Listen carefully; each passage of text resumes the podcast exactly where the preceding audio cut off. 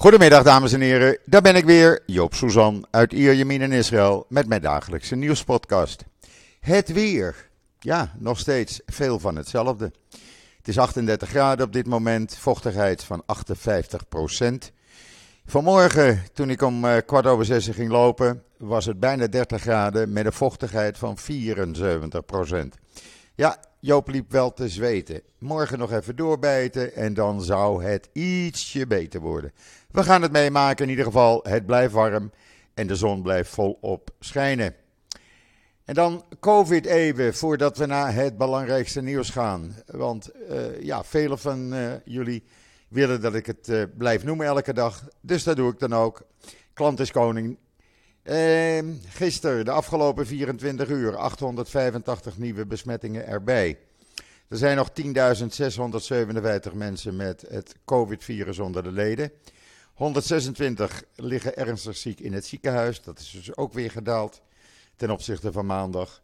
62 van hen kritiek, waarvan 54 aan beademing zijn aangesloten. En het aantal doden is ietsje opgelopen, 11.614. Maar dat wil niet zeggen dat dat allemaal in de afgelopen 24 uur uh, is, want uh, veel doden worden een paar dagen later gemeld. Maar dit is dan het totaal.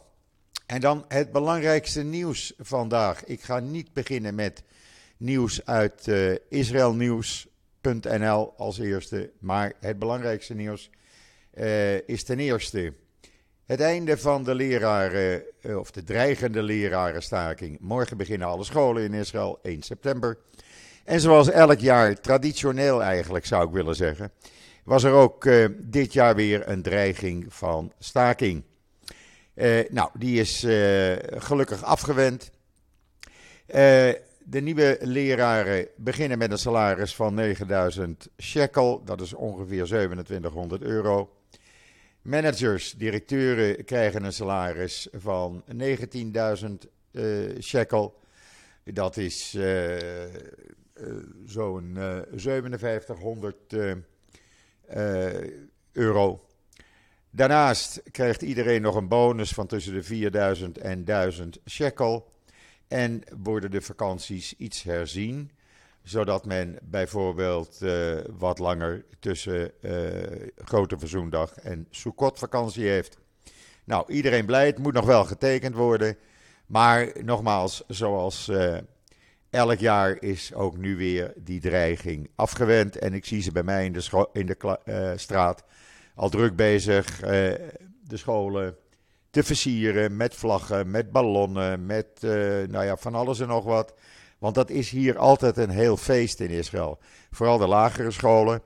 Daar, eh, ja, de ouders blijven dan eh, een paar uur op school voor de nieuwe kinderen. En er wordt van alles en nog wat georganiseerd. Het is echt een hele happening. En uh, ja, ook voor de ouders is het natuurlijk fijn, want die kunnen gewoon aan het werk en doen wat ze moeten doen. Hoeven niet thuis te zitten met de kinderen. En het tweede belangrijkste nieuws het is nog niet officieel bevestigd. Ik zeg dat erbij. Maar ik weet uit zeer betrouwbare bron dat het uh, akkoord is. En u krijgt het morgen allemaal uh, uitgebreid te lezen met alle details in het NIW. Het NIW van Esther Voet, die zal het morgen exclusief voor Nederland gaan brengen. Met alle details. Maar er is een overeenkomst met uh, de families van de slachtoffers van de Olympische Spelen in München 1972. Uh, en de Duitse regering. Eindelijk na 50 jaar vechten. 50 jaar hebben deze familieleden moeten vechten. En uiteindelijk onder dreiging van. Dan komen we niet naar de herdenking van het. Uh, dat het 50 jaar geleden is, die aanslag in München. En dan gaat de Israëlische president ook niet. Uh, ja, uiteindelijk op het laatste moment is de Duitse regering dan gisteravond laat, eigenlijk begin van de nacht, akkoord gegaan. Alles moet nog getekend worden. Uh, maar ja, het is rond en ik ben enorm blij voor deze families. 50 jaar, 50 jaar van verdriet, 50 jaar moeten vechten om een paar centen. En eindelijk, eindelijk krijgen ze dan per familie uh, eh, 1,2 miljoen euro. ik ben blij. Ik ben blij dat het ze gelukt is. En ik heb ze al uitvoerig gefeliciteerd natuurlijk. Dus men is gewoon uh, maandag in München bij die herdenking. Nogmaals, uh, morgen is er een herdenking in het Olympisch Stadion. Uh, een Nederlandse herdenking door het Nederlandse Olympisch Comité.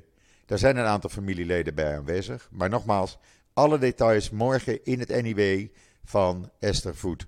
Hou dat in de gaten, ik zal het ook retweeten. En dan het derde belangrijkste nieuws in Israël. En dat kan mogelijk van invloed zijn op de verkiezingen. Uh, er is een onderzoek, staatsonderzoekscommissie, al ruim een jaar bezig met onderzoek naar de verantwoordelijkheid van de ramp op Berg Meron verleden jaar. Op Lakba Omer, waarbij 45 voornamelijk ultra-orthodoxe of orthodoxe Israëlische Joden omkwamen. U weet dat waarschijnlijk nog wel. Nou, onder die, diegenen die nu waarschuwingsbrieven hebben ontvangen, en ik ga u zo uitleggen wat dat inhoudt, is uh, Netanyahu. Daar is de politiechef van Israël, Sabtai, en de voormalig minister van Openbare Veiligheid en Justitie, Amir Ogana. Ook de noordelijke politiecommandant heeft een waarschuwingsbrief ontvangen en nog een aantal andere, in totaal 18 mensen. Die noordelijke politiecommandant die is al een paar maanden geleden afgetreden. Wat houdt een waarschuwingsbrief in? Een waarschuwingsbrief houdt in dat je verantwoordelijk wordt gesteld voor die ramp. En eh, dan heb je alleen nog de tijd om je middels een advocaat te verdedigen en te proberen dat die waarschuwing wordt ingetrokken. Uh, dat kan nu in de komende tijd uh, gebeuren. Maar ja, het betekent wel dat Netanyahu opnieuw een probleem heeft. zijn strafzaak is deze week ook weer hervat. en er is meer bekend over die waarschuwingsbrieven, de inhoud daarvan. Ik heb het allemaal in Israël nieuws staan, want het is echt heel belangrijk nieuws. Wat zegt men eh, over Netanyahu?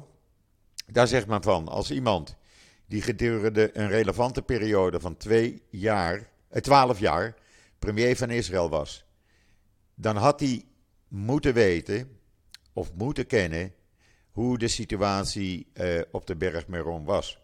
Bij het graf van Rabijn Rashi. Uh, hij had moeten weten dat er een risico was. Hij handelde niet zoals verwacht mag worden van het hoofd van een regering om de situatie eh, te corrigeren.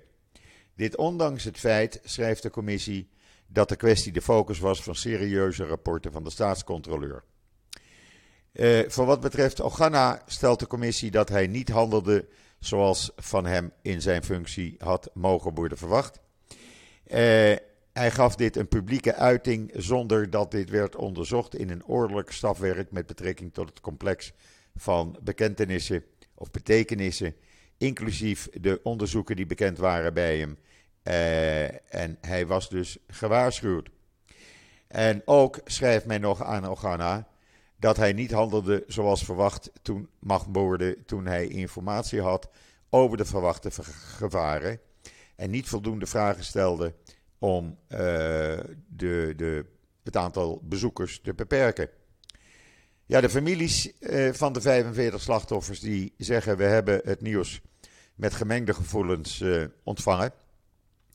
We vinden het juist dat mensen verantwoordelijk worden gesteld, maar we hebben onze familieleden hier niet mee terug. Vooral ook omdat de meeste functionarissen die wisten hoe de situatie was. Eh, dat gezegd hebbende zeggen de familieleden ook dat het niet, de brieven niet tegemoet komen aan de behoeften van de families die hun dierbaren hebben verloren. Eh, ja, het zal dus nog wel een staartje krijgen, deze hele situatie. Uh, gaat dat Netanyahu de verkiezingen kosten? Natuurlijk, de Likud uh, kwam meteen met een reactie van dit heeft alles te maken met de verkiezingen. Maar ja, dat, dat heeft het niet. Want die commissie is meer dan een jaar geleden ingesteld door premier Bennett. toen hij premier werd. En toen was er nog niks bekend van dat er nu verkiezingen zouden zijn. In ieder geval zeggen sommige analisten het gaat een probleem opleveren. Anderen in de Jeruzalem Post zeggen nee, het gaat hem geen problemen opleveren. Het zou hem zelfs versterken. Waarom? Omdat de verkiezingen in Israël hangen niet af van de grote partijen, maar hangen af van de kleine partijen. Nou, het zou kunnen zijn dat nu de ultra-orthodoxe partijen zeggen: wacht even, Netanyahu, als jij premier wordt, je hebt dus nu een rechtszaak aan de broek, die, eh, die loopt al een jaar. En nu ben je ook nog schuldig, medeschuldig aan uh, die Meron-ramp. Uh, weet je wat, wij gaan ons voegen bij Lapid en Gans. Zou kunnen, niets is onmogelijk in het Israël van dit jaar. Want men wil nu van opnieuw verkiezingen af volgend jaar. Inmiddels heeft minister van Defensie Benny Gans iets unieks gedaan. Die heeft een uh, uh, defensiesamenwerkingsovereenkomst, een memorandum, met Japan getekend. Dat is voor het eerst. En dat betekent dat er samen gaat worden gewerkt op defensiegebied en dat er uitwisselingen op strategisch en militair gebied zullen zijn. Dit is echt iets heel bijzonders. Het is nooit eerder met Japan gebeurd. Uh, ja, de diplomatieke betrekkingen met Japan zijn altijd goed geweest. En u kunt het hele, de hele overeenkomst trouwens en de video in het Engels zien op israelnieuws.nl.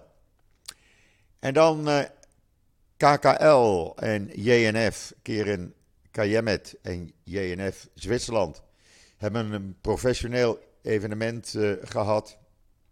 Uh, hebben ze in Zwitserland uitgevoerd. The Fight Against the Climate Crisis. Een heel ev evenement sorry, over uh, het milieu, over het klimaat en wat daar tegen kan worden gedaan. Te lezen op israelnieuws.nl.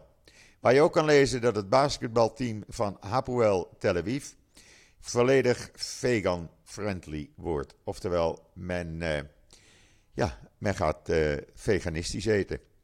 Tel Aviv uh, kent natuurlijk het hoogste aantal vega veganisten per hoofd van de bevolking van heel Israël.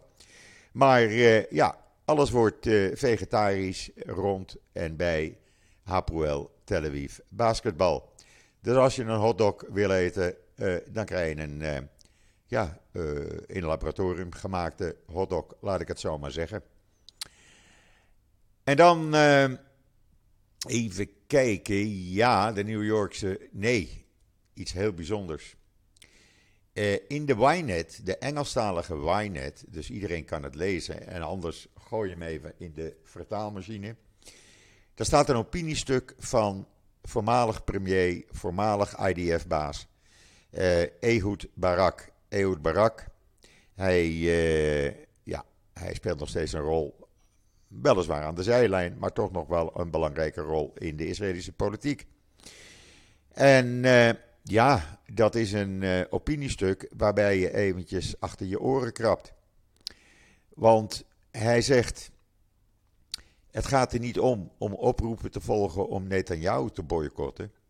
En dat wordt dan niet gedaan uit wrok die oproepen, maar uit het besef dat beschuldigde criminelen, ja, het staat er echt hoor, ik verzin het niet, dat beschuldigde criminelen niet eens als bankbediende mogen dienen, laat staan als staatshoofd. Dat zegt Ehud Barak. Het is een heel opzienbarend artikel. En ik heb het twee keer moeten lezen eigenlijk. Hij, uh, hij gaat niet echt de keer tegen Netanyahu. Hij scheldt hem niet uit. Hij heeft het alleen maar over de politiek en wat er gedurende Netanyahu's 12-jarig premierschap allemaal fout ging. In onderwijs, gezondheidszorg, uh, de infrastructuur, de huisvesting. Ja, het zijn wel feiten natuurlijk. Uh, en ook dat de centristische partijen er niet in slaagden zich los, los te maken van de Palestijnen. Uh, daarnaast hoe, ze tegen, hoe de Likud-partij tegenstanders onder druk zet. Nou, het is een heel opzienbarend artikel. En ik raad iedereen aan, ga het lezen. Want dan heb je een beetje de indruk, een beetje de indruk, hoe de Israëlische politiek reilt en zeilt. Want als je denkt dat het in Nederland erg is, nou, hier in Israël kennen ze er ook wat van. Dat meen ik serieus. En ik vind het, uh, ja, het is wel de waarheid. Laat ik het maar zo zeggen. Het is gewoon de waarheid wat Barak schrijft. En wat ook de waarheid is, dat het antisemitisme uh, in Amerika, en met name in en rond New York, uh, ja, enorm uitbreidt. Uh, men heeft nu, de New Yorkse politie heeft verschillende arrestaties gedaan vanwege antisemitische misdrijven tegen Joden. En ze wijzen erop dat in New York het antisemitisme dit jaar alleen met 25, 45% is gestegen. Dat is heel veel. En niet alleen daar, want ook in Californië, op de campus van de Universiteit van Californië, daar is antisemitisme. Er werden banners gehezen uh, met de tekst: De Holocaust is een anti-witte leugen en communisme is joods. Uh, ja, ik weet niet waar het in Amerika naartoe gaat. Maar goed gaat het niet in ieder geval. Uh, het, gaat, het is foutable. Het antisemitisme moet afnemen en niet toenemen. Maar je ziet het overal. Jullie hebben het verhaal van mijn broer gelezen. En anders lees het nog even in de, van afgelopen maandag. Hoe hij antisemitisme ervaarde.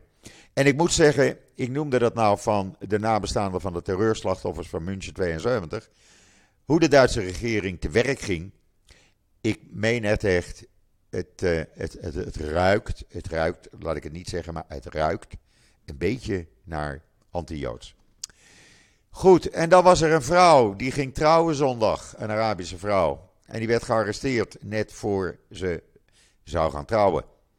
En ze kreeg huisarrest. En waarom werd ze gearresteerd? Omdat ze ging trouwen met uh, een man die huisarrest had en dus niet zijn huis uit mocht. En nou, ze heeft dus huisarrest gekregen. En wat denk je vanmorgen?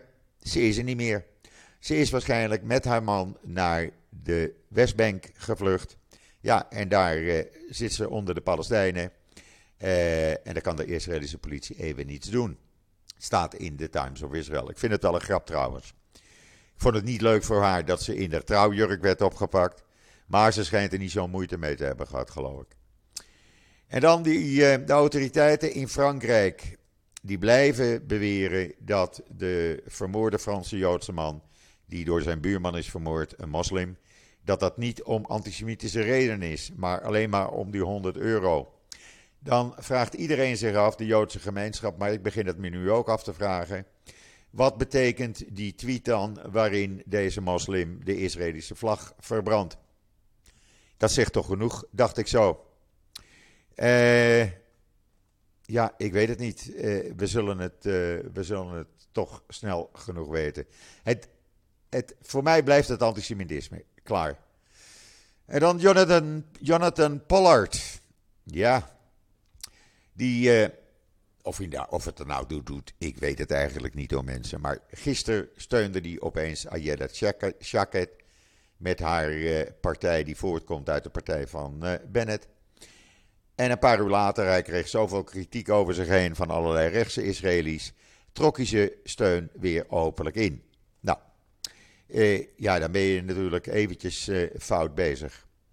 Eh, en als je buigt voor kritiek en dan niet voor je mening meer uit durft te komen, ja, oké. En dan het schooljaar, ik zei het al, het gaat beginnen morgen. Maar nog niet van de helft van de 6000 Oekraïnse kinderen die in Israël zijn die, die zijn op de scholen geregistreerd. Om precies te zijn 2653 van de 6000. Ja, daar moet toch iets mee gebeuren, want anders uh, is dat niet goed. Die kinderen kunnen toch niet thuis uh, blijven zitten. In ieder geval gaat men daar iets aan doen. En dan heeft men in Engeland overblijfselen, overblijfselen gevonden van lichamen van Joden uit 1190 en DNA-analyse suggereert dat, dat, wel eens, dat ze wel eens een slachtoffer kunnen zijn geweest van een antisemitische aanval. Ja, het uh, gebeurde in 1190, dat is uh, een paar jaar geleden. 17 lichamen heeft men gevonden. U kunt het allemaal lezen in de Times of Israel. En dan uh, Een Palestijnse hongerstaker was naar het Hoge Rechtshof gegaan om te zorgen dat hij vrijgelaten werd. Het Hoge Rechtshof heeft uitspraak gedaan en die heeft gezegd: meneer Khalil Awade, eh, ondanks dat je nog eh, maar 80 pond weegt, na zes maanden vasten, en je dood in gevaar is, vinden wij dat je je hongerstaking moet beëindigen. Het is geen manier om je vrijheid terug te krijgen. Daarna zullen we kijken wat we kunnen gaan doen. Het is een uitspraak van het Hoge Rechtshof, niet van mij. En dan Aviv Gevin, een uh, bekende Israëlische rocker. Linkse rocker. Ja, dat is hij echt. Was hij echt, moet ik zeggen. Want hij is 180 graden gedraaid. Geeft concerten nu in, uh, uh, bij kolonisten op de Westbank, Judea, Samaria. En biedt excuses aan voor zijn eerdere kritiek op de kolonisten. Nou, hij zegt: Ik heb een persoonlijke reis gemaakt. Niet eenvoudig, niet kort. Maar ik begrijp jullie nu. Jullie zijn mijn broers. Goed, we weten dat dus Aviv Kevin is niet meer links, maar super rechts. En dan was er een uh, Syriër, een uh, Syrisch staatsburger, laat ik het juist zeggen. Die probeerde vanuit Barbados op een uh, vervalst Israëlisch paspoort naar Duitsland te gaan. Nou, het was zo, zo slecht vervalst dat hij niet eens het vliegtuig inkwam. Allemaal te lezen in de Engelstalige Ynet. Waar je ook kan Nee, in de Times of Israel, moet ik erbij zeggen, kan je lezen hoe Joodse groepen rouwen, Joodse organisaties wereldwijd rouwen, om de dood van Gorbachev. Want zeggen ze, hij is de man geweest die de Joden toestond stond hun religie vrij te beoefenen en te emigreren naar Israël. Eh, wat ze trouwens eh, massaal deden, zeer tot zijn teleurstelling. Maar ja, in de jaren dat Gorbachev de baas was, was het voor Joden voor het eerst uh, redelijk fijn wonen in Rusland, wat nu Rusland heet. Ja, uh, het staat uitgebreid in de Times of Israel allemaal. En er wordt hier in Israël ook heel veel aandacht aan besteed. Goed, dat gezegd hebbende brengt mij dat tot het einde van deze uh, podcast alweer. Morgen heb ik een podcast met mijn vriend Rob Heilbron. Uh, er zijn mensen die uh, nemen, nemen, mij, dat kwalijk, maar ik vind je mag iedereen zijn mening laten uiten. Uh, en ja, Rob heeft een uitgesproken mening over zaken. En ik vind dat dat ook gezegd mag worden. Waarom niet? We leven in een vrije wereld nog steeds. mensen zijn toch kwaad. Een paar hebben gezegd: Nou, dan luisteren we niet meer naar je podcast. Ja, dat vind ik dan heel jammer. Want ik probeer die podcast zoveel mogelijk informatie te geven over wat er hier in Israël gebeurt. En hebben jullie nog tips? Ga naar fooiepot.com, want Joop wil graag zijn podcast door blijven zetten. Velen hebben dat al gedaan, waarvoor mijn diepe en hartelijke dank. Ik kan uh, voorlopig nog even doorgaan. Maar ik wil ook over twee, drie maanden nog doorgaan, want we hebben nog heel veel plannen. Goed, ik wens iedereen een hele fijne voortzetting van deze laatste woensdag van de maand. Of de laatste dag van de maand, 31 augustus. Morgen is het al 1 september. Ik ben er morgen weer en zeg zoals altijd: tot ziens, tot morgen.